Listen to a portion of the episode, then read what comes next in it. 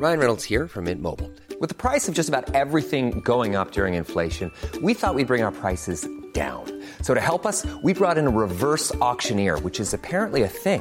Mint Mobile unlimited premium wireless. Ready to get 30, 30, bit to get 30, bit to get 20, 20, 20, bit to get 20, 20, bit to get 15, 15, 15, 15 just 15 bucks a month. So, Give it a try at mintmobile.com slash switch. $45 upfront for three months plus taxes and fees. Promo for new customers for limited time. Unlimited more than 40 gigabytes per month. Slows. Full terms at mintmobile.com. Hi, I'm Daniel, founder of Pretty Litter. Did you know cats tend to hide symptoms of sickness and pain? I learned this the hard way after losing my cat, Gingy. So I created Pretty Litter, a health monitoring litter that helps detect early signs of illness by changing colors, saving you money and potentially your cat's life. Pretty Litter is veterinarian developed, and it's the easiest way to keep tabs on your fur baby's health right at home. Go to prettylitter.com and use code ACAST for 20% off your first order and a free cat toy. Terms and conditions apply. See site for details. I'm Sandra, and I'm just the professional your small business was looking for. But you didn't hire me because you didn't use LinkedIn jobs. LinkedIn has professionals you can't find anywhere else, including those who aren't actively looking for a new job but might be open to the perfect role, like me. In a given month, over 70% of LinkedIn users don't visit other leading job sites. So if you're not looking on LinkedIn, you'll miss out on great candidates like Sandra. Start hiring professionals like a professional. Post your free job on linkedin.com/people today. Everyone knows therapy is great for solving problems, but getting therapy has its own problems too, like finding the right therapist, fitting into their schedule, and of course, the cost. Well, BetterHelp can solve those problems. It's totally online and built around your schedule. It's surprisingly affordable too. Connect with a credentialed therapist by phone, video, or online chat, all from the comfort of your home. Visit betterhelp.com to learn more and save 10% on your first month. That's BetterHelp H E L P.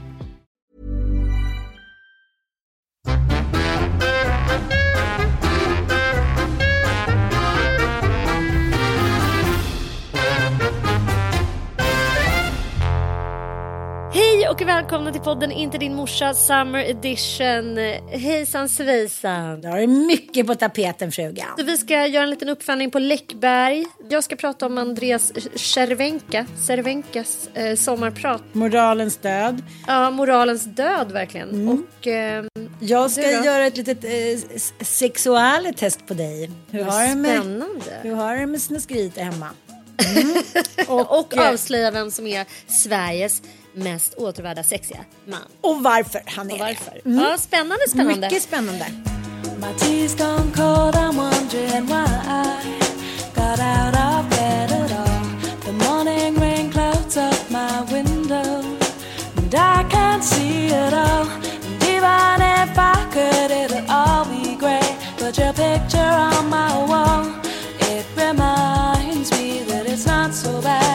It's not so bad, vet du vad som hände igår? Nej. Jag bara tycker att det här är så väldigt roligt. Du hörde den där låten nu som spelades, Dido. Kommer du ihåg den 90-talslåten? Sen plockade ju Eminem upp den. Mm. Bobo har ju eh, rakat huvudet, eller Elon har gjort det på honom. Och han har nu eh, kommit fram till att han är lik Eminem. Mm. Men jag bara, du ser ut som en ap-emoj. Du vet de här gull... gull... ah, gud vad det håller på att rakas hår när mamma tittar bort. Men det var som jag sa till min exman. De är barn, inte supermodeller. När han skulle ta in white trash-kortet. Eh, hur som helst, eh, jag ska iväg och cykla till Hässelby eh, slott där jag nu huserar tre dagar för att eh, skriva bok. Sätter mig på den här cykeln, är lite försenad, blir inte chockad över det. Cyklar liksom lite åt fel håll i vanlig ordning. Fattar inte liksom att jag bara ska mot Hässelby, det är ju bara rakt ut från Bromma. Nej, kollar inte riktigt det utan åker mot Kungsholmen, inser att jag har punka på min fina nya cykel. Eller så här, ja, men vad heter det, mountainbike typ som jag ska ha på eh, det här loppet som jag ska på. Och bara, nej jag orkar inte. Stannar på macken, försöker pumpa i, försöker be om hjälp. Så här. Jag vet inte riktigt, är det här något fel?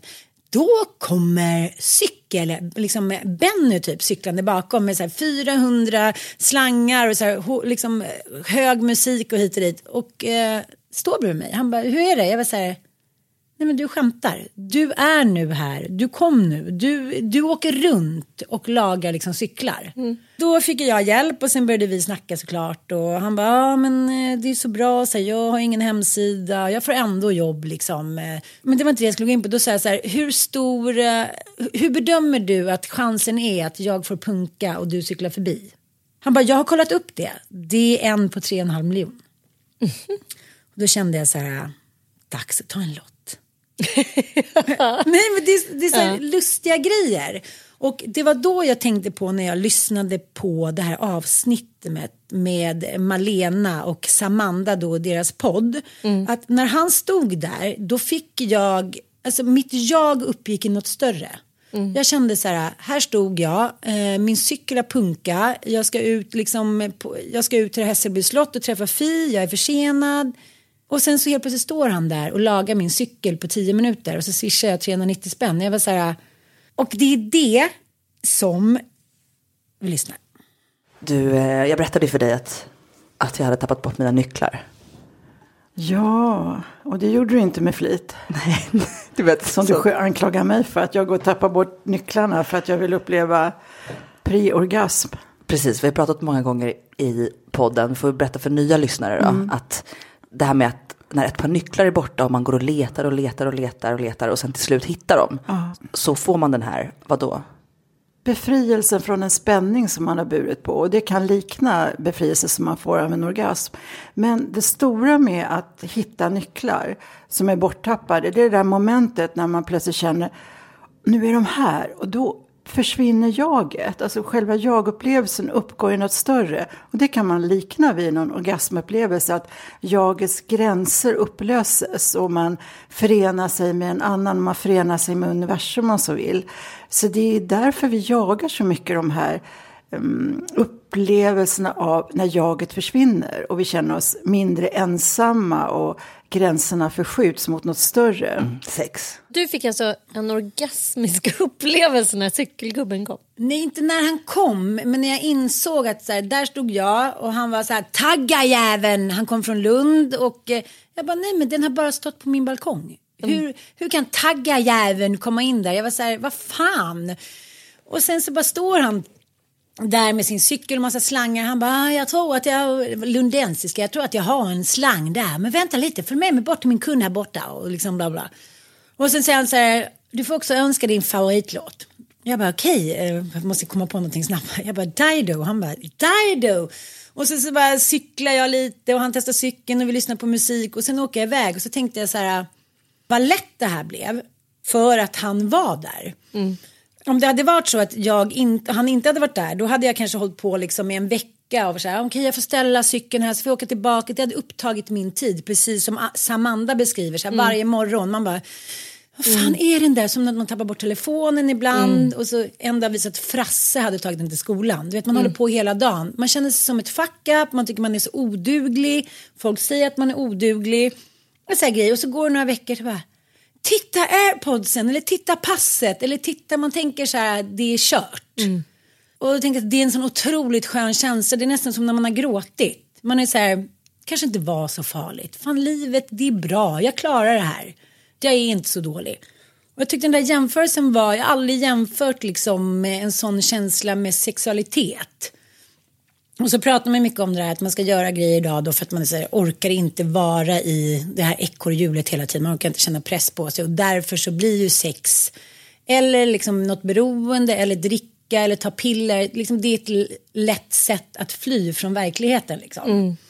Och så, så tänkte jag så här, tvärtom. Jag har, jag har aldrig tänkt att man kan jämföra sådana vardagliga upplevelser med något orgasmiskt. Liksom, att allting Eh, ska vara så sexualiserat. Liksom. Då tänker jag, det handlar ju också om vår kultur och om liksom, sociala normer. Att allting ska vara så sexualiserat och att män ska vara så och kvinnor ska vara så. I många andra länder som kanske är lite mer men man, man kanske, ja, naturnära, man bor i en skog eller liknande så har ju det här suddats ut vad som är liksom rätt tid eller rätt ålder för sexualitet och vem som ska ligga med vem och man säger it takes a village to raise a child. Att allting är så liksom inrutat i någonting som vi har bestämt. Här, kvinnors hjärnor är så och mäns hjärnor är så därför är det bättre om kvinnor tar hand om vårdar hit och dit. Det här är ju så jävla mycket efterkonstruktioner. Jag eh, Jag håller på, har jobbat hela våren med en programserie som ska ha premiär i augusti i P1 som handlar om beroende. Vad heter den? Den heter Beroende. Den 23 augusti har vi premiär och eh, jag har träffat en professor i historia som vi intervjuar i, eh, jag tror att det är tredje avsnittet. Och han har liksom riktat in sig på alkoholismens historia eller beroendets historia. Det var så sjukt intressant att prata med honom och, om beroende ur ett historiskt perspektiv. Där han verkligen belyste att det har inte sett att bruka alkohol och att vara dyngrak har inte problematiserats förrän efter liksom industrialismens intåg. När vi var tvungna att börja vara produktiva. Ja, och att det inte funkade att man liksom ramlar in 25 minuter för sent för att man typ var aspackad igår. Eller att det inte funkar att vara full därför att den här nya tekniken kräver liksom precision och säkerhet och såna här grejer. Så innan dess så beskriver man inte alkoholism som en sjukdom utan det är liksom mer ett andligt eh, problem. Eh, liksom, det har ju funnits massa så här, ja men förstås i, i kristendomen och i kyrkan olika idéer om hur mycket eller lite man ska dricka och så vidare. Men det är industrialismens intåg i vår historia som gör att vi börjar betrakta det här som ett problem. Wow! Jävla intressant. Och han menar ju också på att Johan då, som han heter, Edman, eh, han är ju då eh, Eh, professor i historia och han eh, menar att det, det är farligt att medikalisera allting så som vi har valt att göra nu. Att det finns stora faror med det och, och då pekar han ju på liksom den eh, forna mentalsjukhusvården, att du liksom faktiskt kan tvångsvårda personer som är alkoholister och det gjorde man inte främst av liksom barmhärtighetsskäl utan det gjorde man för att de här jävlarna förstörde och inte var samhällsnyttiga helt enkelt.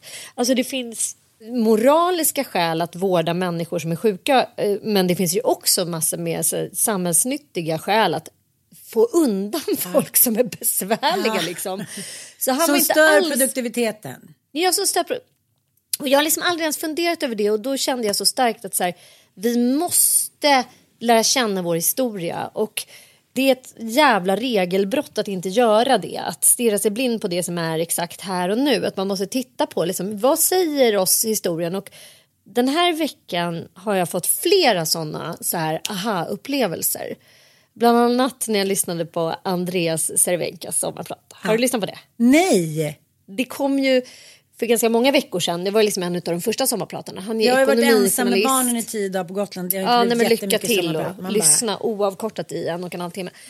Nej, men han är ju ekonomijournalist och har jobbat på alla möjliga olika tidningar men han har framförallt skrivit en eh, bok som heter Gir i Sverige som ju vann Stora journalistpriset och eh, jag tycker att det är synd och skam att man vi lever också i tidevarv där allting ska vara så här äh, fast lane till att det ska vara underhållning vilket gör att väldigt många kanske skiter i att läsa en sån bok.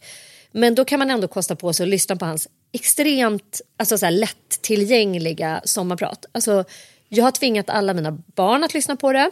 Jag ska inte säga att jag tvingat Olga för det var hon som tvingade mig att lyssna på det. Men fy fan vad det är upplysande och allt det som jag saknade i Läckbergs sommarprat fick jag i det här sommarpratet. Jag vet efter en och en halv timmes lyssning absolut ingenting om Andreas Cervenka som privatperson. Alltså, han har ju inte bjudit ett jävla piss på ett Nej. enda trauma eller om ett Nej. ord om sin familj.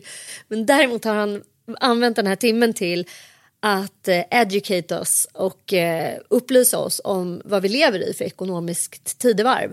Och vi behöver det.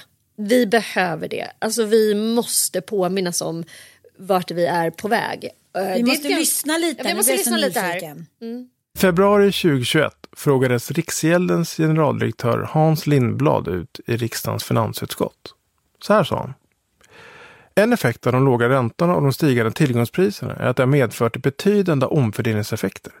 De med lån har gynnats av lägre räntebetalningar och bankspararna har missgynnats. Hushåll som äger bostad eller aktier har gynnats i förhållande till de som inte har några tillgångar. Vad menar Hans Lindblad? Jo, det han säger är att när Riksbanken sänker räntan är det samma sak som att föra över pengar mellan olika grupper av befolkningen.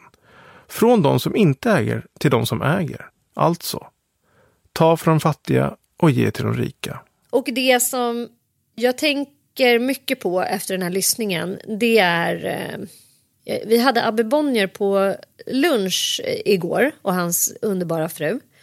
Och de... Hemma eller? på Hemma var McDonald's, det. eller? På McDonalds stod vi en liten Donkenburgare. De var inte nöjda, det var de inte. De är vana vid finare. De skulle förhandstitta en film. Så de var där. Men, och då fick vi en liten bok som Ingvar Carlsson har skrivit, den förra statsministern. Som handlar om döden. Och som är liksom hur fin som helst. En pytteliten bok som handlar om att han för första gången i sitt liv eh, låter oss komma nära. Eh, så den kan jag verkligen rekommendera. Den är, det är en jättefin bok. Men sen så pratade vi också om det här sommarpratet. Och eh, Andreas Cervenka berättar att Tage Erlanders fru, eh, alltså den för, för, förra eh, statsministern, eller vad det nu var, socialdemokratisk statsminister. Hans fru, när hans regeringsperiod liksom var slut, då kommer hans fru tillbaka med blyertspennor från regeringskansliet och lämnar tillbaka. Den typen av moral hade man då. Att liksom, det, det här är inte mitt, det tar- tillhör inte mig. Nu har jag fått det här landet, typ. förtroendekapitalet och det ska jag fucking förvalta. Och Abbe berättade en väldigt spännande grej. De har ju då varje år på Manilla, den här stora villan ute på Djurgården som ägs av Bonnier. Tack för inbjudan. Länge sedan jag blev inbjuden på det. Ja, jag, jag har aldrig varit där men vi är liksom inte förtjänta. Vi måste skriva böcker än och ge ut på deras förlag. Men då var ju såklart Ingvar Carlsson bjuden på den här sommarlunchen på Manilla. Och då hade eh, Abbe frågat om han kunde få hämta honom i en så jättefin veteranbil. Och då avböjde Ingvar Carlsson. Okej. Och sa nej jag har lovat mig själv och mina döttrar att jag alltid ska åka kommunalt. Och då står han fast vid det? Han står fast vid det. Och det här säger liksom allt om vad man som folkvald politiker måste vara beredd att offra. Alltså det måste finnas någon jävla stamina, någon jävla moral, någon form av respekt för liksom det allmänna. Att man har fått det här jävla förtroendet för att man är folkvald. Och det... Var Ebba Busch. Ut, ja, men Om Cervenka- Ellegalan, alltså, eller? så här, nej, men hur, hur mycket våra liksom, nutida politiker roffar åt sig för att de Mm. helt plötsligt bjuds in i rum som de inte haft tillgång till och som ger dem såna enorma vinstmöjligheter. Mm. Och han pekar ju ut framförallt fyra personer. Det är Reinfeldt. Carl Bildt. Nej, Carl Bildt är inte utpekade Cervenkas sommarprat, men Göran Persson är det definitivt. Per Nuder är det definitivt. Även Thomas Bodström som ju framstår som en sån duvunge och liksom så gullig och härlig. Så här, den fattigaste av de här personerna, jag ska inte tala för Thomas Bodström, men Göran Persson, Per Nuder och Fredrik Reinfeldt. Vet du hur många miljoner de har? Den fattigaste av dem. Köris äger typ halva Sörmland så han måste vara god. Eh, den, per Nuder kanske ligger sist då, på typ så här 50 mil. Ja, den, den fattigaste äger 50 miljoner. Det här är alltså socialdemokratiskt förtroendevalda personer som kämpar för en fördelningspolitik som ska göra livet mer rättvist för alla i det här landet. Och de har liksom istället använt sitt, eh, sin regeringstid till att eh, förmera sig ekonomiskt. Och också mycket. använda de kontakterna de har fått där till Ja, men- att casha in efteråt. Verkligen, och att de också har byggt ett politiskt system där de ligger så jävla mycket före. Om man nu ska kunna bli rik, det säger han också, Andreas Cer- Cervenka, eller Cervenka, jag vet inte hur man uttalar det riktigt. Men han säger det att, eh, att bli rik handlar 0% om intelligens. Det finns det liksom hur många studier som helst på. Det har ingenting med hur smart du är. att göra. Nej, exakt.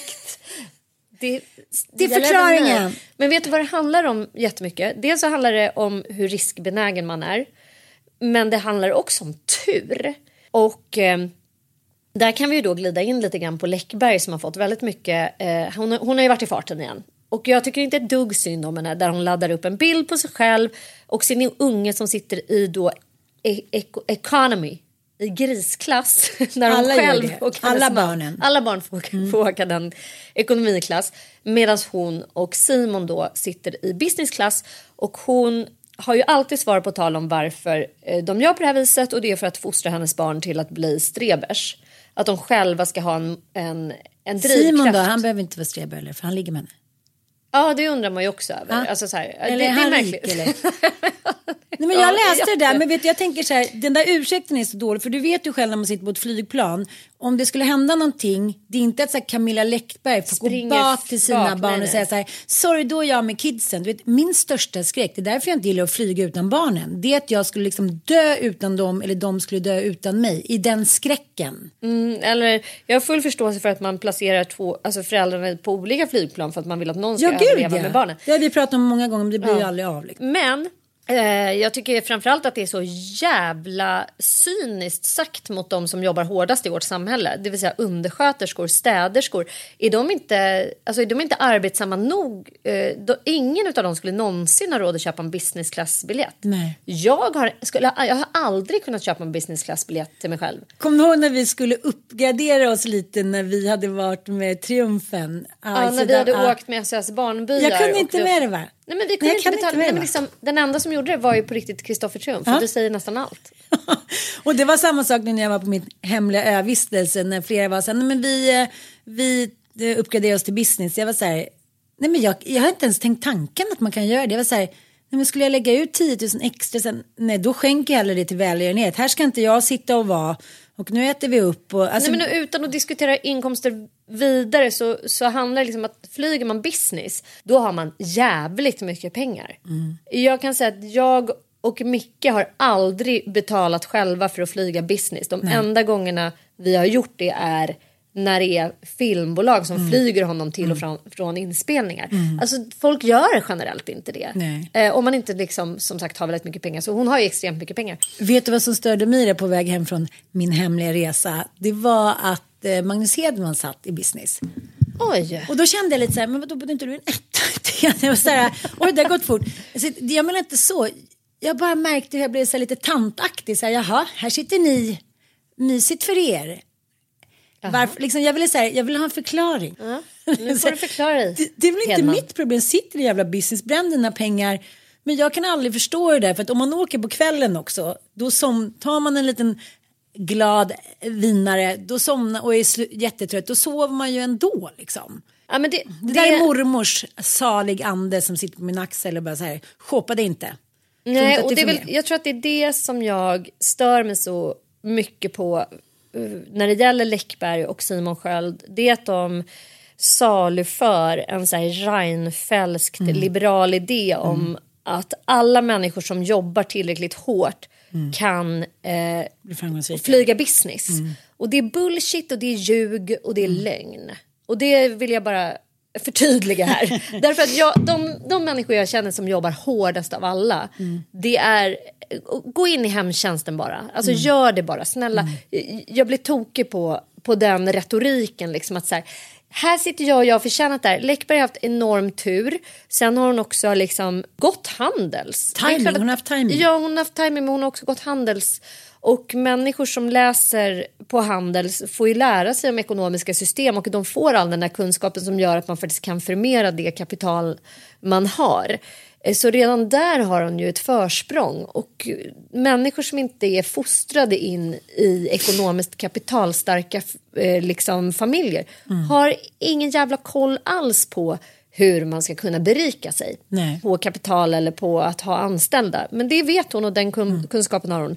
Och jag tycker att det är respektlöst att, att inte liksom eh, se det utan bara så här på ett så jävla förenklat sätt lägga fram det som att det här är liksom var och en som hugger i. Jag vet att jag själv kan säga så här, vem som helst i Sverige kan bli rik eftersom vi har liksom gratis utbildning. Men samtidigt så finns det ju ändå en jävla grundförståelse för att det kräver så otroligt mycket mer av någon som är född på samhällets botten att ta sig liksom till en position där det, där det tjänas mycket pengar. Om det inte Än för någon som är född i en villa i Djursholm och har allt Ja. det där, liksom har läxhjälp betald, har föräldrar som hämtar tidigt, har liksom en jävla uppsjö av både socialt kapital kring sig och eh, sen också hamnar i de rätta miljöerna som gör att man har kunskap och människor kring sig som vet hur man gör. Jag är alltid sist på skolan. Typ halv fem. Man bara, jaha, vi hämtar tre. Man bara, tre, då äter jag lunch. Alltså, det här handlar inte alls om någon form av avundsjuka. Men nu efter separationen mellan mig och Mattias så är det så här, han tänker ju inte ens på att han kan åka till sina föräldrar med barnen och där finns det mat och fika och kärlek och igår fick killarna nya liksom gympadojor. I hans värld så är ju det bara så som det ska vara. För så har det alltid varit liksom. Och även om det som i alla familjer uppstår schismer och man kan tycka olika och det är ju rätt och fel och liksom det kanske inte alltid är så nära familjebanden och det är, ja men som i alla familjer det går upp och ner. Så vet han att där är en famn han alltid kan återkomma till. Och har man det så kan man dels ett vara ganska nonchalant mot andra som inte har det för man har ingen aning om hur det känns. Yes. Och två kan man heller inte ha någon förståelse för. Vi har ju pratat mycket om det där att jag lägger ner så mycket tid på mina vänner. För att det är min familj. Att jag har liksom ingen annan backup. Så att om jag inte har dem så har jag liksom eh, ingen som kan backa mig. Så det finns liksom, det är inget så här. Det handlar inte om att jag vill investera så mycket i mina vänner. Men mina vänner är också min familj. Och det, liksom, där kan vi inte riktigt mötas. Och, och det märker jag på honom att ah, men nu hämtar killarna så åker jag till mamma och pappa då. För honom är det liksom inte ett privilegium och för mig är det det största privilegiumet som jag någonsin skulle kunna ha. Och även om bara liksom min mamma levde eller om pappa hade varit lite mer uppstyrd liksom. Att man bara har någon, liksom, någon som alltid tar emot den för den man är. Och som man är. Det var en annan kompis som sa jag är så sjuk och jag ska hämta mamma och pappa och vila upp mig. Du vet, jag får sån ångest på slag och avundsjuka när någon skriver ett sånt sms. Och det kan jag aldrig förklara. Men att det alltid är så här. I resten av mitt liv ska jag taga dessa bördor, ekonomiska och barnen själv. Det är liksom, jag kan aldrig förlika mig med den känslan. Det är svårt. Håller du inte med om det? Nej, jag känner inte riktigt så. Alltså mamma... Ma, vi har ju liksom också... Alltså jag, är har, vi har ganska liknande lägen eftersom jag inte har någon kontakt alls med min pappa. Och han har liksom inte riktigt varit den där äh, trygga nallebjörnsfamnen som man åker hem till när man är sjuk. Som köris eller? Nej. Nej, men jag håller med dig om att jag har vänner som är det.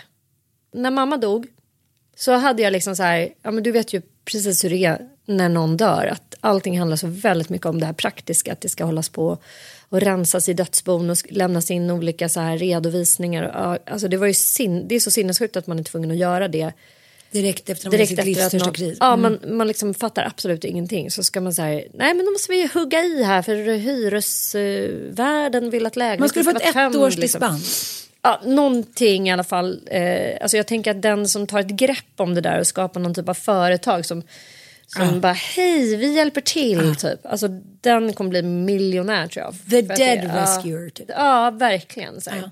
För fan. Sorgräddaren typ. Vi tänker inte ge det till dem, vi tar tillbaka det. Klipp bort det Rickard. ja men hur som helst. Jag minns när jag åkte hem efter att ha, ha liksom lämnat över nycklarna till HSB, eh, mammas värld. Då var det liksom någonting i mig som var så här, jag bara kände bokstavligen hur det gick sönder. Jag kunde inte köra min bil. Så jag så ställde mig vid fåfängan, du vet, på, som ligger på Söder. Jag bara stängde av bilen. Och sen liksom började jag gråta på ett sätt som jag, jag har aldrig gråtit på det viset. Och jag kände så här, jag kommer inte, alltså jag kommer bli typ galen nu. Och då ringde jag till Margita som ju är liksom någon typ av ställföreträdande moster i mitt liv. En granne som, som jag lärde känna för att hon var min granne när jag och Ville var ihop. Och sen har ju hon blivit en av mina bästa vänner. Så jag bara lyckas liksom ta mig hem till henne. Jag ställer min bil där och så här, typ, jag vet inte hur jag kommer hem till henne.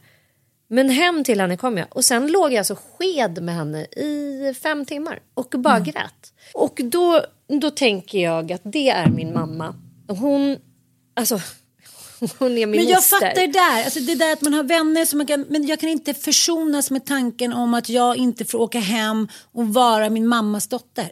Nej. Att åka till sommarstället i Småland och man är så här, Åh, då var jag mycket yngre, då var jag så här, gud jag har jobbat så mycket, jag har festat så mycket och det är slut med den där killen. Hon bara, okej Anson, typ nu börjar du lägga dig i soffan där så ska jag fixa lite middag. Alltså så här, den, den omsorgen och det familjekassammet som är jag, jag liksom, jag vill skrika till alla, inklusive Mattias. Var så jävla tacksam. Jag är ju mer tacksam över dem. eller Liksom. Alltså jag, vill bara, jag vill bara banka in i mina barn. Jag säger när de håller på och tjafsar och liksom bråkar. Jag bara säger, ni har varandra. Liksom, ni har er själva och era fyra brorsor. Det är det finaste ni har. Ni kommer alltid ha det. Och, eh, men, men det är ju så, det man tar för givet, det är inte det som man liksom eh, åtrår. Förstår du? Verkligen. Förrän man råkar ut för något sånt där. Förrän man liksom. förstår hur... Det, det är också någonting som jag tycker att livet på något sätt talar om för en gång på gång. Att man ser ju sällan det man har. Och eh, det är först när det liksom tas ifrån en. Det, det är väl inte ett förintet som eh, ordspråket man saknar inte kon förrän båset är tomt. För Eh, män som bara så här... "Oj, oh, oh." Ja, men det gäller ju även för oss. Alltså, jag tycker inte alls att jag värdesatte till exempel Jämtland eller min mammas jäm jämtländska släkt och det hon bidrog till. Och jag vet att hon ibland kunde vara så här sur och lite bitter Ja, ibland. fattar, och jag så här. Gud vad ni liksom är, ni är så bortskämda med det här och ni fattar inte så här. Nej. Och det gjorde vi ju inte för att Nej. hon serverade det ju som en så här havregrynsgröt varje morgon. Mm, och det är först när den inte står på bordet som sagt som man som man bara shit var är det någonstans och hur ljuvlig och hur un- underbar den är. Och, eh, och jag vet inte ens hur man ska komma runt det. Hur man Nej, ska jag börja. Det, det jag tror att mycket utav andlig utövning handlar ju om att fasta. Och om att eh, avstå saker och att träna sig i att liksom hålla sig från grejer. Och det, anledningen till det kanske är för att vi ska lära oss att uppskatta det sen. Ja, jag vet. Att vi måste späka oss liksom för att se vad fan det är vi har. För att sen blir det liksom inte lika åtråvärt. Nej, jag Eh, vet. Om vi bara liksom fortsätter att mumsa.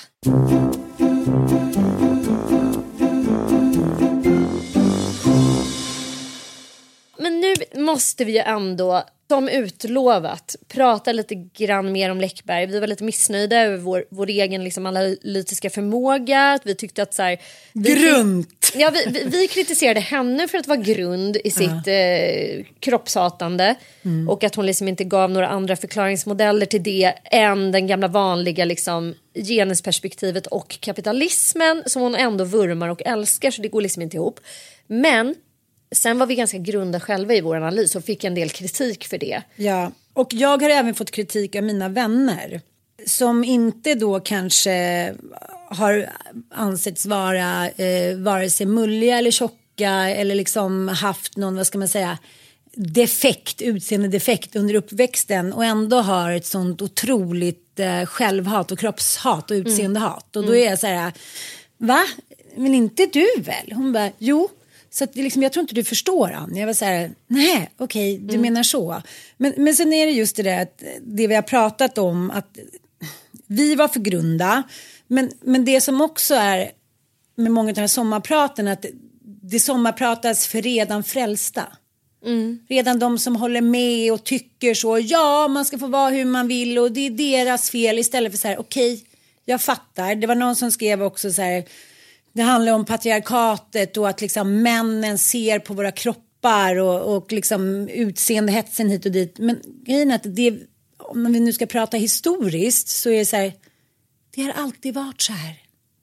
Och då var det någon som sa så här, ja men under Rembrandts tid och det när det fanns liksom dåligt med mat då skulle vi vara så här då skulle det synas på oss att vi var så stora och tjocka. Nej, jag tror inte att kvinnor var så himla stora och tjocka. Eh, det, liksom, det har aldrig ansetts särskilt attraktivt förutom i extrema svälttider. Och jag tänker så här, även när liksom Coco Chanel, så här, du kan aldrig vara för ung och för smal. Och hit och dit. Det har alltid ansetts liksom stå för ungdom och skönhet. Att vara smal och vacker och liksom hit och. Så jag, jag kan inte heller riktigt skriva under på det där männens blick på samma sätt heller längre. Men Kontrollbehovet var vi inne på. Ja, och det som vi kanske missade lite grann i vår egen analys som jag kände efteråt. att Så här, Gud, vi måste liksom, det här är ju precis det det handlar om. Eh, som ju jag tror kanske främst är det som har bidragit till hennes eh, kroppshat. Och det, det var faktiskt Mia Sal som skrev, vi tog upp det i förra podden också, en gammal journalistkollega till mig, att det handlar liksom om kontrollbrist. Eh, och eh, att det är det som gör att hon blir helt galen på eh, sig själv. Men sen tycker jag också ett viktigt perspektiv. Jag håller på med den här beroendeserien. I den serien så kommer vi plocka upp olika beroenden som inte eh, riktigt än är eh, det, alltså, de, de är inte inskrivna i den diagnostiska manualen för psykiatrin. Sockerberoende till exempel är, är, liksom inte erkänt som ett eget beroende. Men det kommer troligtvis att bli det. Amerikanska psykiatriförbundet vill det och det är de som eh, formulerar psykiatriförbundet. Ja. Spelberoende då, eller hasardspelssyndrom, ja. var ju då inte en diagnos för tio år sedan. Mm. Utan det, det var liksom bara ansågs vara, alltså bara att man man var en dumjöns typ. Ja. Men nu är det verkligen ett eget beroende. Dålig karaktär. Ja, så det, det, det där är liksom pendlar. Och det därför har, har, vi valt i vår mm. beroendeserie att, att ha med sockerberoende, relationsberoende eller kärleksberoende. Eh, sex och kärleksberoende. Som inte är en beroendesjukdom då, eller beroendesyndrom enligt DSM-5. Skit i det. Men mat och överätning det är ju en ätstörning kallas det för. Men det är väldigt likt beroende. Därför att när du äter, och Läckberg beskriver ju det i sitt sommarprat att hon äter för att trösta sig. Och det är precis det som händer. När vi äter så kommer vår hjärna att belöna oss med kropps egna må bra-hormoner för att belöna oss för någonting som gör att vi överlever. Vi äter, därför lever vi. Vissa människor har hjärnor som är väldigt, väldigt känsliga för att ta upp de här må bra-hormonerna. Och alla må bra-hormoner, endorfiner, eh, alltså det finns ju en, dopamin, supermånga olika typer av sådana må bra-hormoner. Vi kan bara sammanfatta det med att det är det. Och de gillar eh, vår hjärna eh, såklart. Det är belönande för eh, beteenden som eh, sex, eh, motion, mat, mm. Eh, sömn också. Får jättemycket oxytocinpåslag. Mm och eh, fina dopaminpåslag av att jaga saker till exempel. Alltså ja, det, det är en stor så här, kemikaliefabrik som finns i våra hjärnor och vissa har känsligare receptorer för de här må bra-hormonerna. Och jag tycker att det var väldigt intressant i hennes sommarprat att hon beskriver att hennes eh, liksom hon säger ju inte ens att hon har en ätstörning. Eh, men hon nämner ändå att hon tröstäter och att hon alltid har använt mat för att trösta sig. Mm. Och det är därför hon går upp de här 20 kilorna. Det är under pandemin, under stressiga perioder och det rimmar väldigt väl med alla andra typer av beroendesjukdomar också. De triggas av stress. De triggas av att vi har kortisol i kroppen, alltså vi känner ett hot mot oss själva och därför vill vi pumpa på med saker som gör oss eh, överlevnadsdugliga. Och mm.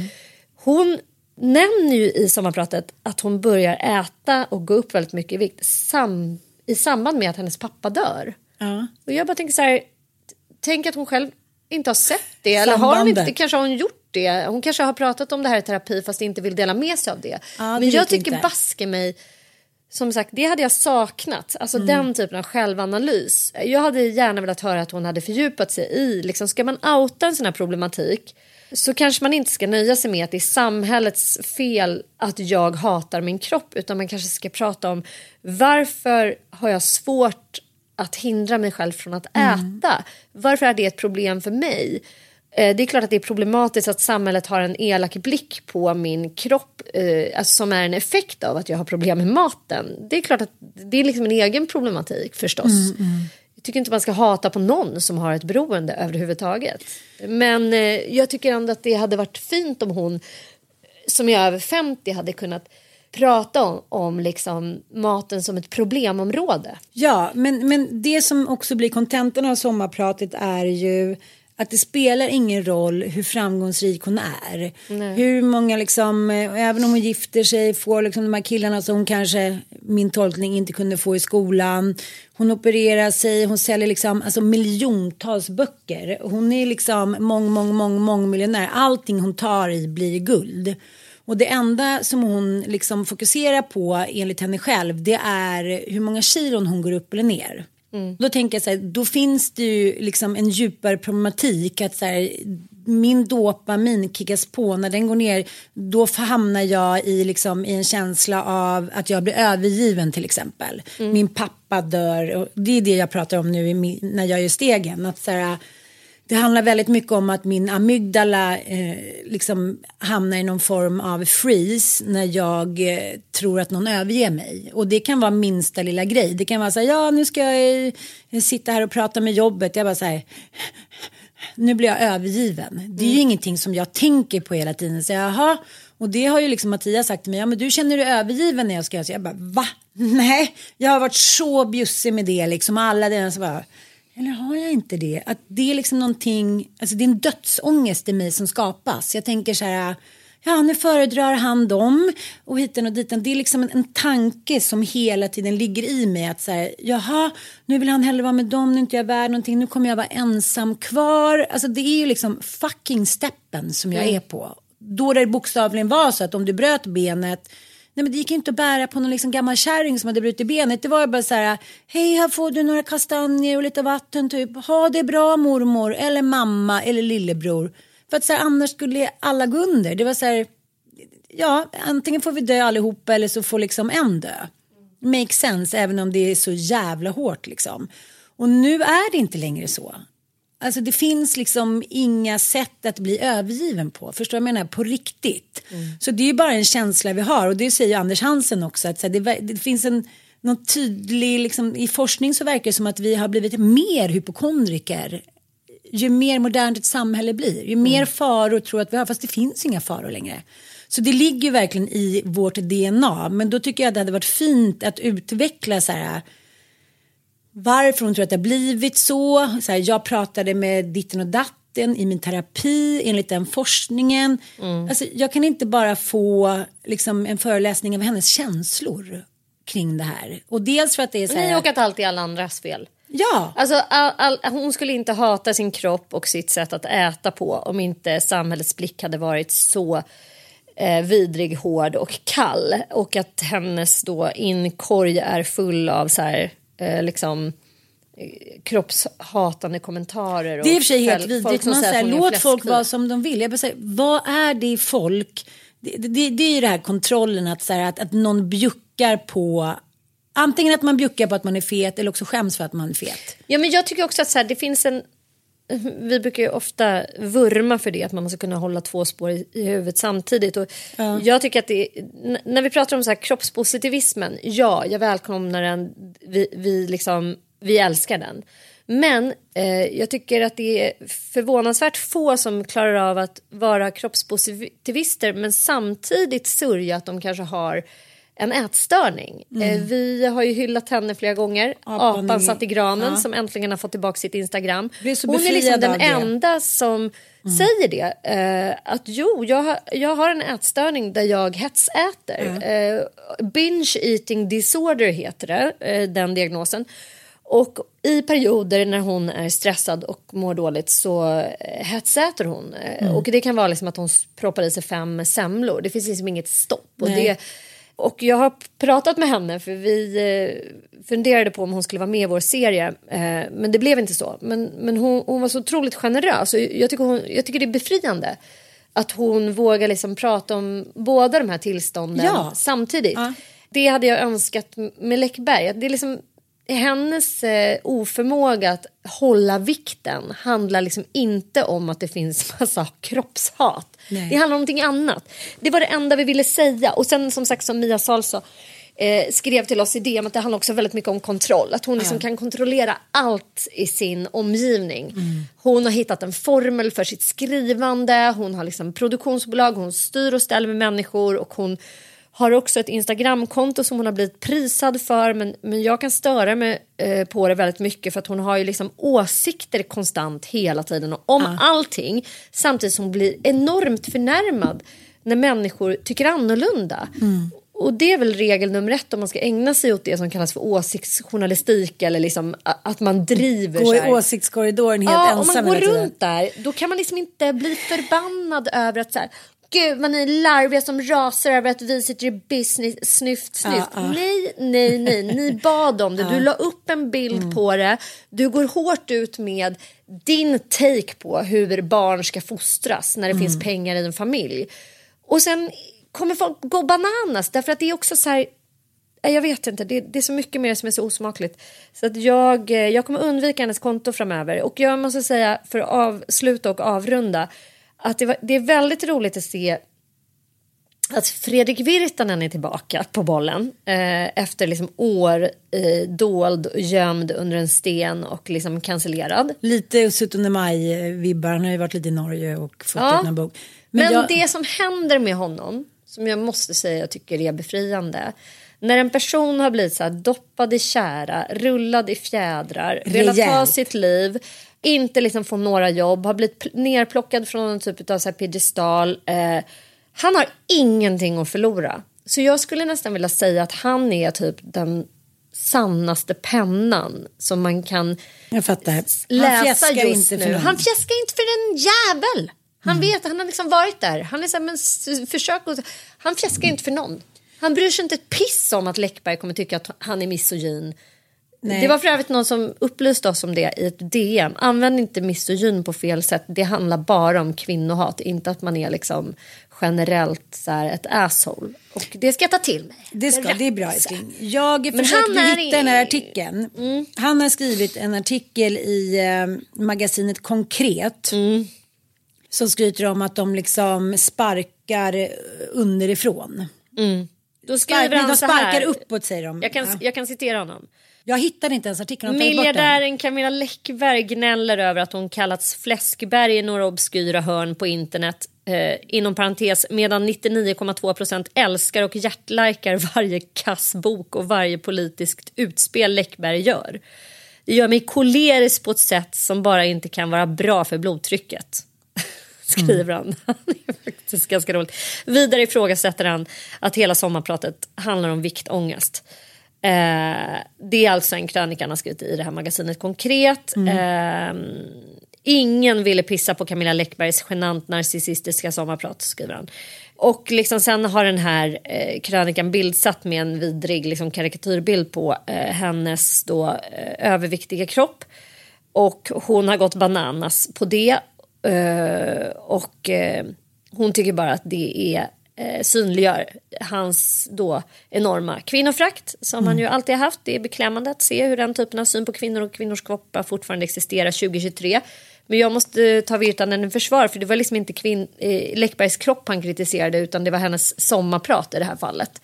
Sen var ju kanske den där bilden felvald. Men Nej men bilden är liksom, Den- nej den är men liksom det är inte okej Nej, att man det är nog inte 2023. Som har valt det, Nej men gör en sån här karikatyr av någon överhuvudtaget, vare sig varken kvinna eller man. Nej. Och jag, liksom, Om man inte kanske har så här enorm politisk makt. Men skitsamma. Jag Jo men grejen säga är att om någon gjorde den här bilden där man liksom gör en karikatyr att någon ser ut som ett fläskbär. Om vi hade gjort det med Leif GW Persson som i och för sig ser ut lite så, så bantar han emellanåt.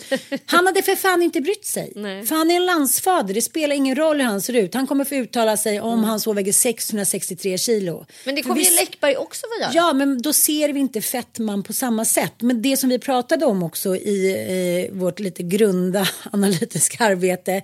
Det är ju så här att om kulturmän förr i tiden, män överlag, Lex min far liknande, att det var okej att de eh, var tjocka eller hade någon liksom, mag hit och ändå då fick kvinns och kärlek och framgång så är det inte riktigt så längre. Nej. Det är väldigt få framgångsrika människor som är tjocka för då handlar det om att man inte har någon kontroll. Och Mm. kontroll är det viktigaste i samhället, att vi ska kunna kontrollera våra kroppar. Då kan vi vara framgångsrika för då är vi också eh, starka och vi, vi är glada. Ja, Men det handlar ju det här om att klara av att avstå. Ja. Det är ju ett sätt att visa att man faktiskt har impulskontroll. Och det är någonting som värderas väldigt högt i vårt samhälle. Ja. Att vara strategisk, planerande, Mm. att kunna ha struktur, att kunna ha ordning. Och, och alla typer av beroendesjukdomar attackerar ju de dygderna. Alltså du visar att du inte klarar av det. Och vi lever just nu i en tid som är så jävla liksom, håsande av den där, det där kontrollbehovet. Eh, när vi, om man tänker på 90-talet, liksom, när vi älskade Torsten Flink-personer, vi älskade liksom galningar. Det var så här, ja men Nirvana var det största rockbandet med så här idel heroinister på rad som vi bara stod och lovprisade. Och nu ser det inte ut så. Vi skulle Nej. liksom inte acceptera typ att Amy Winehouse var en... Nej. Hette hon det? Amy Ja, Wine? Ja, Att hon var liksom det För- största som har hänt Nej. musikhistorien De ungefär. stod och vägde ett kilo liksom, Ja, och var påtänd som fan. påtänd Ja. som, som, alltså så här, det, det, vi är i en annan tid nu. Nu ska vi vara liksom hubbots. Vi ska Ja. vara perfekta på ett sätt som är skrämmande måste jag säga. Mm. Och framförallt så är det ju sorgligt om man inte kan inse se att, att det är eh, en sjukdom och att det, den sjukdomen kommer ju existera och har gjort i, historiskt. I liksom, ja, 10 procent av befolkningen har den här genetiken eh, där beroende är liksom predestinerat. Ja. Sen behöver inte det betyda att man utvecklar det, men eh, det är i alla fall så. Den som jag pratade om, den viktmobbingen som också Anna Bok har råkat ut för eh, och som eh, nu Camilla Läckberg, det har vi ju inte heller riktigt uttalat, eller det har vi ju, att det handlar också om klass. Att om de hade fötts i en annan klass så hade det inte varit lika eh, lätt att hacka ner på dem. Liksom. Det är lätt, eh, viktmobbing är det man kommer undan med lättast. Så var det på skolgården, så är det liksom eh, i eh, kafferummen. För att det handlar om, som du säger, att i vår värld så måste vi ha kontroll, annars är vi inte lyckade. Och eh, om man går upp i vikt, då har man ingen kontroll. Ju smalare, ju mer beröm får man.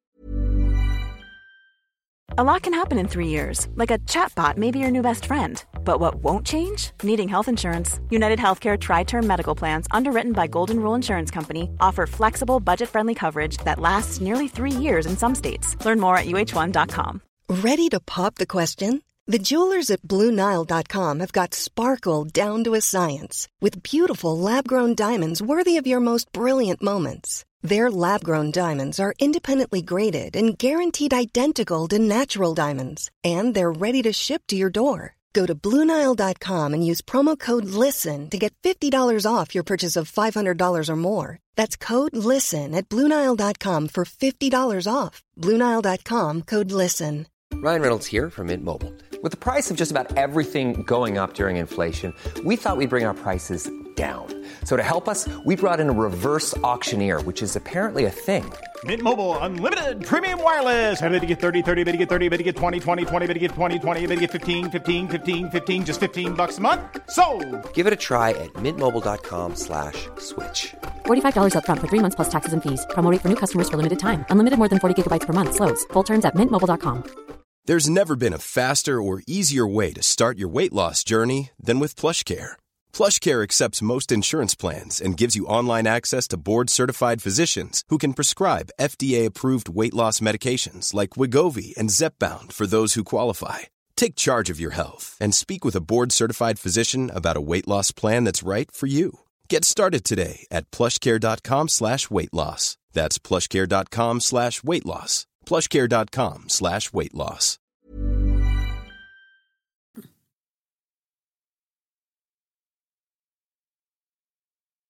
Ja, jag vet inte, jag måste avsluta min grej i alla fall.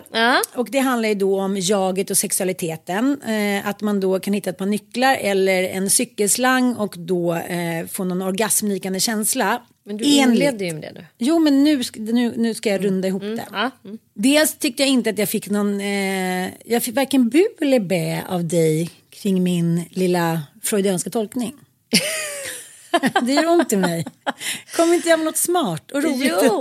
Nej, men jag, jag älskar att du har hittat deras podd, för den är helt fantastisk. Det var Sofia Edgren som tipsade mig om den och den är helt... eh, Hon är un, alltså Malena Ivarsson, vilket litet eh, liksom, orakel. Litet är hon verkligen Ja. inte. Hon är, hon är ett orakel och hon är så kunnig och bevandrad. Hon har ju läst jättemycket freudiansk psykologi. Hon är mästerlig liksom, på Jung och så här. Så att hela den här Geni. podden är en genipodd. Lyssna på den bara.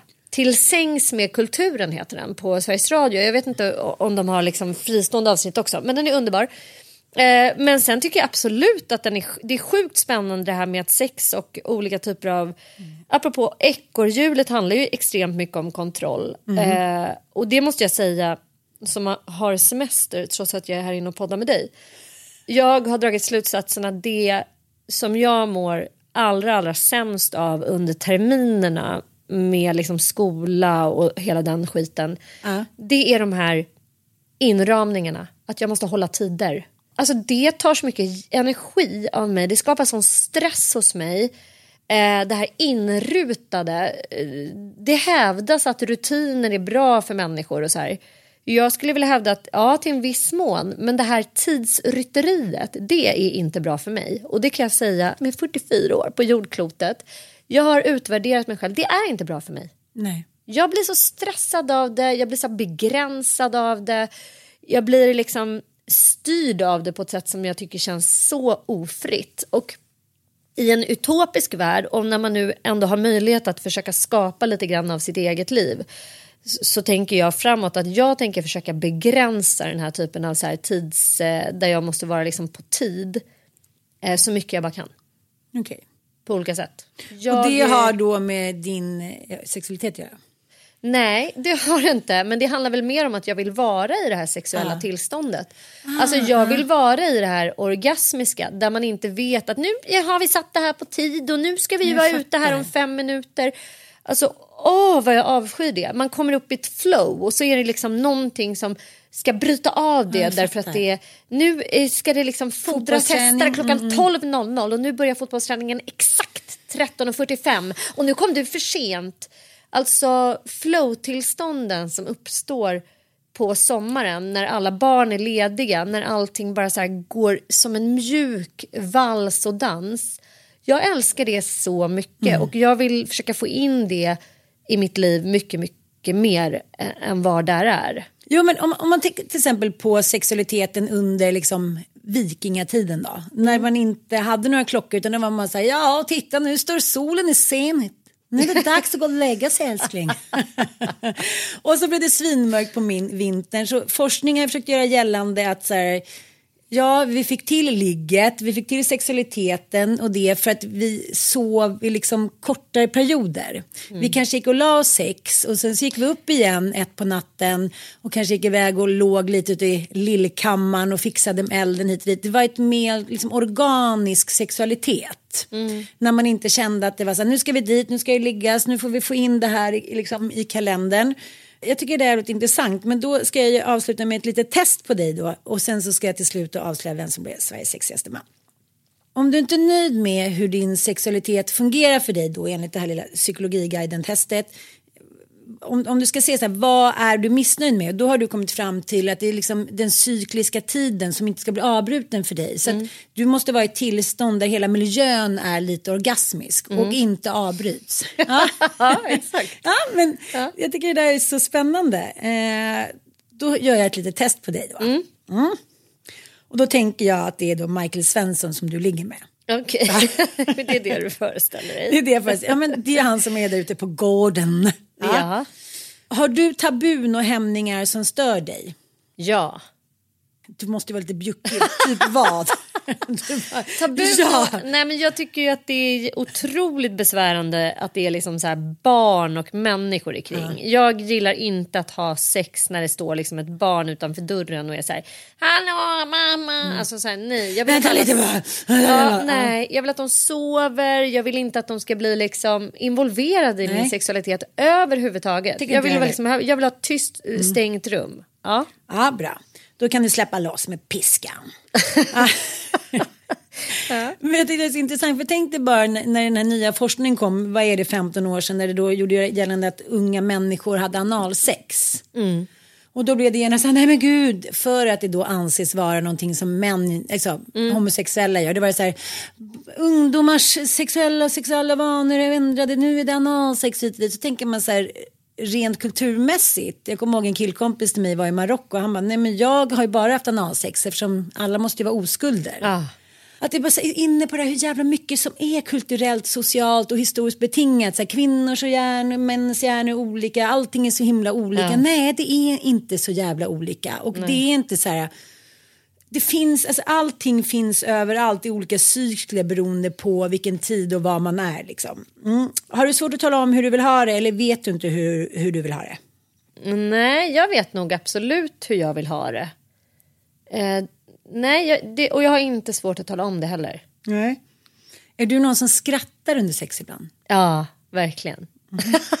det var länge sedan jag ska säga. Nej, men jag kan verkligen skratta. Jag tycker det är så befriande att ha eh, att kunna att kunna vara i både det här, liksom så här kåta tillståndet men sen är man så här, börjar man skratta och man så här garvar åt någonting som är helt crazy eller att man bara skrattar. Ja, det, humor är verkligen det är väldigt befri. Jag tycker det har varit som en så förlösande faktor rent sexuellt. Mm. Annars är det så här, man, kan, man är liksom som en helt annan person när man kliver in i det sexuella Ja. samvaron. Det har jag slutat med. Nej. Jag är ganska mycket mig själv. Ja, du kan liksom. få orgasm Jag av, kan av skratta. att hitta nycklarna. Ja. Nej, men jag tror att alla skulle vinna på att se liksom, det sexuella inte som så mycket som en så handling som ska ske när vi är kåta. Jag är man och du är kvinna. Utan som du säger, att det, det kan vara en del av vardagens cykler. Utan barn då. Mm. Blir du bemött på ett kärleksfullt sätt av din partner? Mm, det tycker jag ju. Det är liksom ganska cykligt, eh, cykliskt eh, eftersom eh, min man är bipolär. Så han är ju ganska oförmögen liksom att vara kärleksfull både mot sig själv och andra och har ju liksom stundtals befunnit sig på väldigt mörka ställen där man liksom inte är så bekräftande mot någon. Men när han inte är det, då är han ju väldigt bekräftande och kärleksfull och Mm. härlig liksom. Så, så det som är svårigheten att navigera det är att liksom kunna tänka rent rationellt att så här, nej men han, det här är, jag ska inte ta det här personligt. Han är liksom på en plats nu där han egentligen inte skulle vilja vara. Och det kan jag inte säga att jag riktigt har listat ut hur jag ska åstadkomma till 100 procent. Jag blir Nej. bättre på det för varje år men jag, jag är fortfarande liksom inte riktigt där. Att man eller man säger att jag kan liksom eh, kliva åt sidan. För att det är också så här att jag har ju behov eh, liksom av att bli hållen och älskad och bekräftad även om han befinner sig i ett skov. Det, det är inte så att jag bara kan stänga av det då. Och det Nej. måste jag också börja omfamna hos mig själv. Att så här, hur ska jag göra då? Jag kan ju inte gå på liksom vänt eller på så här Nej. Hur, hur ska det gå till? Det är någonting som vi håller på att figure out. Men i övrigt Mm. Spännande. superbekräftande. Ja. Och jag kan också tycka att så här, många män och kvinnor förstår inte att mycket av sexet när man mår dåligt är bara eh, en ångesthandling som den andra inte är med på. Man Nej. bara, där var jag ett hål. Mysigt. Mm. Där var jag typ så här, Mm. den där spänningen som man pratar om som släpper. Det är så inte sex för Nej. mig. Jag går inte runt Nej, och har någon spänning och sen får jag knulla och så känns allt bra. Utan tvärtom så tycker jag att så här, det jag kan ha emot sex nu på ålderns höst det är att jag kan tycka att det är så här också att jag tycker att jag har det ganska bra. Så att sex, det är inte så att jag går runt i ett tråkigt ekorrhjul och är så här bara jag måste bara få knulla det den enda gången jag har roligt. Alltså, nej, jag tycker så här. Om jag bara får gå ut på stan och knulla. Ah. jag går som en kattunge, jag läser en saga, jag håller på och pular i ett trädgårdsland eller läser en bok om bin och tycker det är ganska nice. Mm. Och då är det så här, jaha ska vi ha sex också? Det är också nice men det finns så mycket som är nice. Så det är mycket som konkurrerar Mm. Jag som jag tycker. fattar. Typ så här, du får välja antingen en två timmars ritt ut i skogen på din älsklingshäst eller att knulla i 30 minuter. Det är svårt. det ska jag erkänna. Jag kan Kör en rumpa. Nej, men förstår du vad jag menar? Jag förstår precis, det där har också blivit en sån aha-upplevelse hos mig när jag, eh, liksom, några kompisar till mig som jag har tänkt så här, "Ja, de är världens lyckligaste par och de verkar så härliga efter alla dessa år. Går iväg, har sex ibland lite hemligt på dagen och så bara, jaha, de har öppen relation. Du vet, det var så här, jag bara, jaha. Och alla som liksom hänger ihop år efter år försöker hitta nya sätt, öppna relationer hit och dit. Ja, det kanske inte är hela världen då. Nej. Ja. Nu är vi på sidospår. Nu har det Mm. bara två frågor kvar. Kan ni njuta av sex på egen hand? Om inte, varför? Onani. Alltid ett spännande Vår ämne. sämsta. Vår sämsta. Jag har ju kört lite nu ändå. Nej men det är samma sak där. Vi är ju, samsovning eh, är ju liksom onanidödare. Det går inte att ligga och onanera när man har en femåring bredvid sig. Även om de sover så är det liksom så här, nej, där går någon slags gräns för mig. Mm. Jag har inte sex med ett barn i sängen eh, Mm. oavsett om det sover eller Alltså nej Ja. bara. Så att, eh, nej, jag kan inte säga att det är en frekvent förekommande syssla. Men jag gillar onani generellt. Jag tycker det är väldigt... Eh, där kan vi snacka om att det är förlösande på något sätt. Alltså, du vet när jag hade så jävla ont i ryggen. Då ja. använde jag ju min galna lilla den här... Kaninen? Fan? Nej, inte Nej, kaninen. den där, gud, vad den heter där den? galenskaps eh. Ja, Alltså, men nej, men snälla, det var typ det enda som var lindrande för mitt diskbråck. Det var ju helt sjukt. Jag var så här, nej men nu blir det onani igen. För jag kan liksom, det är den enda gången det känns som att det är liksom som att jag klarar av en timma till. Liksom. Det måste ju ha varit att nerverna blev liksom tog fokus från den här Men din orgasm gjorde ju att ungefär som att röka Ja. en joppe. Ja, det var, liksom det var din joppe-grej. Sjukt. Då började jag känna Gud. direkt att jag ville så här, skriva en bok om den läkande orgasmen. Typ. Men Ja. sen, nej, det, det, där, det avtog ju sen i, i, i takt med att liksom diskbråcket blev värre. Men det var några releasing moments där med den där galna apparaten. Den har jag för övrigt, den måste ju bara ligga och damma någonstans. Men det som är så roligt med den lilla manicken är ju att det går ju så snabbt så jag tror att jag blir lurad. Ja, jag vet. Jag är såhär, den nej, gud, vad, vad obehag- hände nu? Den är vad, obehaglig. Vad var det som kom ut ur min pullerulli? Var det typ vätska, en, ett djur? Vad fan är grejen? Nej, den är galen. Den den älskling. är så sjuk i huvudet. Det jag vill säga är att man ska kartlägga sin sexualitet lite. Man behöver inte sitta och vara missnöjd. Med någonting överhuvudtaget. Nej. Vare sig med kuka, fitta eller knulllivet. Det är så här, allt går att förbättra. Och det där som du och jag pratade om innan. Att man, så här, man har tre veckor på sig att berätta om man vill ha nallebjörnsex, eh, kissa på någon. Så här. Nej. Det går att ändra sig. Och något måste man väl hitta på om man ska vara ihop i 20 år. Min bästa kompis var så här, vi har, varit gifta, vi har varit ihop i 27 år nu. Jag bara, 27 år? Vi är ju typ 27. Liksom, det går alltid att hitta en ny sexualitet och det tycker jag är coolt. Och sen så behöver man kanske inte tycka att det är det viktigaste i världen. Lex Linda Skugge. Linda vi älskar.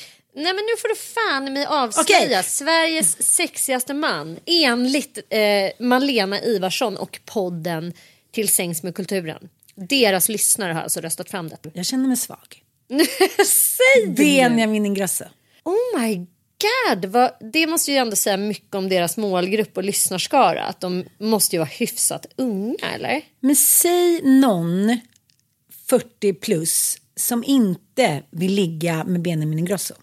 Men Jag vill inte det. Jag tycker att han är ett barn. Nej, inte jag heller förresten. Vill du det? Nej men tycker du att han är läcker? Vadå? Läcker, Ja, jag tycker att han människa. är otroligt läcker. Men det är för att han är så jävla begåvad och då blir jag ju liksom betuttad. Men kanske inte behöver sträcka mig så långt. Han är för ung för, för det kanske. Eller Jag tycker han är liksom, inte. jag betraktar honom som så här, det är Olgas kompis typ. Alltså Ja. jag, nej jag, jag, jag tycker han är absolut för Men jag har så ung många som är så här, de, liksom, de kan inte titta på honom utan att så här, Men det är ändå gulligt eftersom att han verkar vara så väldigt så här, varm och mjuk och snäll. Och jag tycker också att det var så här gulligt att få följa att han är så här kär i sitt ex Linnea. Och bara inte kan inte ge kan sig. släppa henne och sånt. Alltså ja, nej, Okej, men vad, och nu, vad fint. ja, och då vill jag ändå eh, slå ett slag för journalisten Klara Li Lundbergs analys av detta. Jag ska bara hålla den väldigt kort. Hon skriver på ETC och är briljant tycker jag. Mm. Hon kommer alltid med lite nya vinklingar. Så här, hon konstaterar att vinnaren är en horbock i sängen och en feministman utanför den. Ja. Mm. Det är jämlikt hur i vet, köket. man, hur vet man att horbocken är en horbock i sängen? Har han liksom dryftat sina sexuella aktiviteter mycket i Wahlgrens värld? Pratat om sina bondage-fetischer eller vad är grejen? Hur vet vi att han är en horbock i sängen? Jag får intrycket av att han är en liten så här Nalle Borno som vill bli omhändertagen och som är så lite osäker och som inte har liksom haft så många tjejer. Jag så. skiter i det. Jag vill bara att, det jag vill bara att svenska män ska förstå att så här, det är det vinnande konceptet. Att Ja. vara en horbock i sängen Mm. och en feministman utanför den. Jag, Mm. tänker, inte gå, jag tänker köra grunt igen va? Mm. Men det är väl, jag kan nog eh, instämma i den analysen och när det gäller kvinnor då så handlar det ju om att kvinnor då enligt män ska vara arbetsamma, ska ha karriär, ska liksom eh, vara ja, men så här hardworking moms typ. Men i sängen så ska de vara så här undergivna, så här små sexmonster som tar hand om sig. Precis. Mm. Det liksom och det är därför jag ändå konstaterar att många av mina kompisar som har skilt sig eller separerat nu plus 40 har haft så jävla risigt sex med mannen eh, som de har barn med. Mm. För att då måste du vara madonna och sen får vi antingen knulla med andra eller också så, det är så mycket missionären, det är så mycket inte gå ner. Mm. Det är liksom, nej du blev mamma och då kan inte vi ha ett liksom härligt sexliv. Man kan inte ha två personligheter, man kan inte ha Nej. flera personligheter. Det, det, är liksom, det är Så ju jävla mänsklighetens stora problem. Ja. Att vi bara så här enkelt spår i hjärnan. Vi kan inte liksom tänka i flera... Den enkelspåriga generationen är vi ju. Ja. För att vi har ett val att kunna vara enkelspåriga. Förr i tiden var det så här. Knulla med frugan trots att hon har 53 barn. I alla fall om du liksom är i bondsamhället. För att annars så kommer ingen försörja er på ålderns höst. Det är liksom, du kan inte ha någon blick på henne som hora eller madonna som man har kunnat ha av överklassen. Nu har alla klasser ett val att titta på varandra med liksom andra blickar. Jag tror väl också att det handlar jättemycket om att vi lever i en så här i ett samhälle där det faktiskt går att separera och att man hela Såklart. tiden tänker att gräset är grönare eller vi blir pumpade med valmöjligheter som, som man kanske inte gjorde historiskt. Men skit i det, det var ändå sjukt intressant och med de orden måste vi ändå avsluta. Benjamin, we're coming for you. Och nu vill jag då att du ska säga så här, mycket bra analyser. Mycket, mycket bra analys. Väldigt intressant. Och tack för att du påminner mig om den här podden. Jag ska lyssna nu när jag ska åka iväg. Puss och kram. Puss.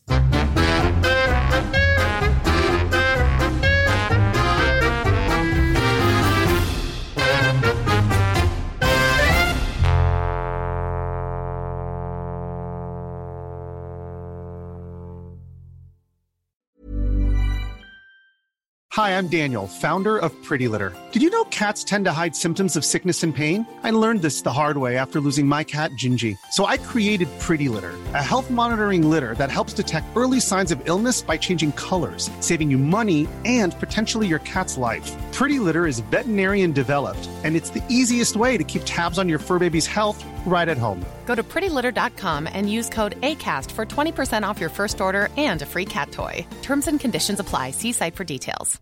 Imagine the softest sheets you've ever felt. Now imagine them getting even softer over time. That's what you'll feel with Bowl and Branch's organic cotton sheets. In a recent customer survey, 96% replied that Bowl and Branch sheets get softer with every wash. Start getting your best night's sleep in these sheets that get softer and softer for years to come. Try their sheets with a 30-night guarantee. Plus, get 15% off your first order at bowlandbranch.com. Code BUTTERY. Exclusions apply. See site for details. Planning for your next trip? Elevate your travel style with Quince. Quince has all the jet setting essentials you'll want for your next getaway, like European linen, premium luggage options, buttery soft Italian leather bags, and so much more. And is all priced at 50 to 80% less than similar brands. Plus, Quince only works with factories that use safe and ethical manufacturing practices. Pack your bags with high-quality essentials you'll be wearing for vacations to come with Quince. Go to quince.com slash pack for free shipping and 365-day returns.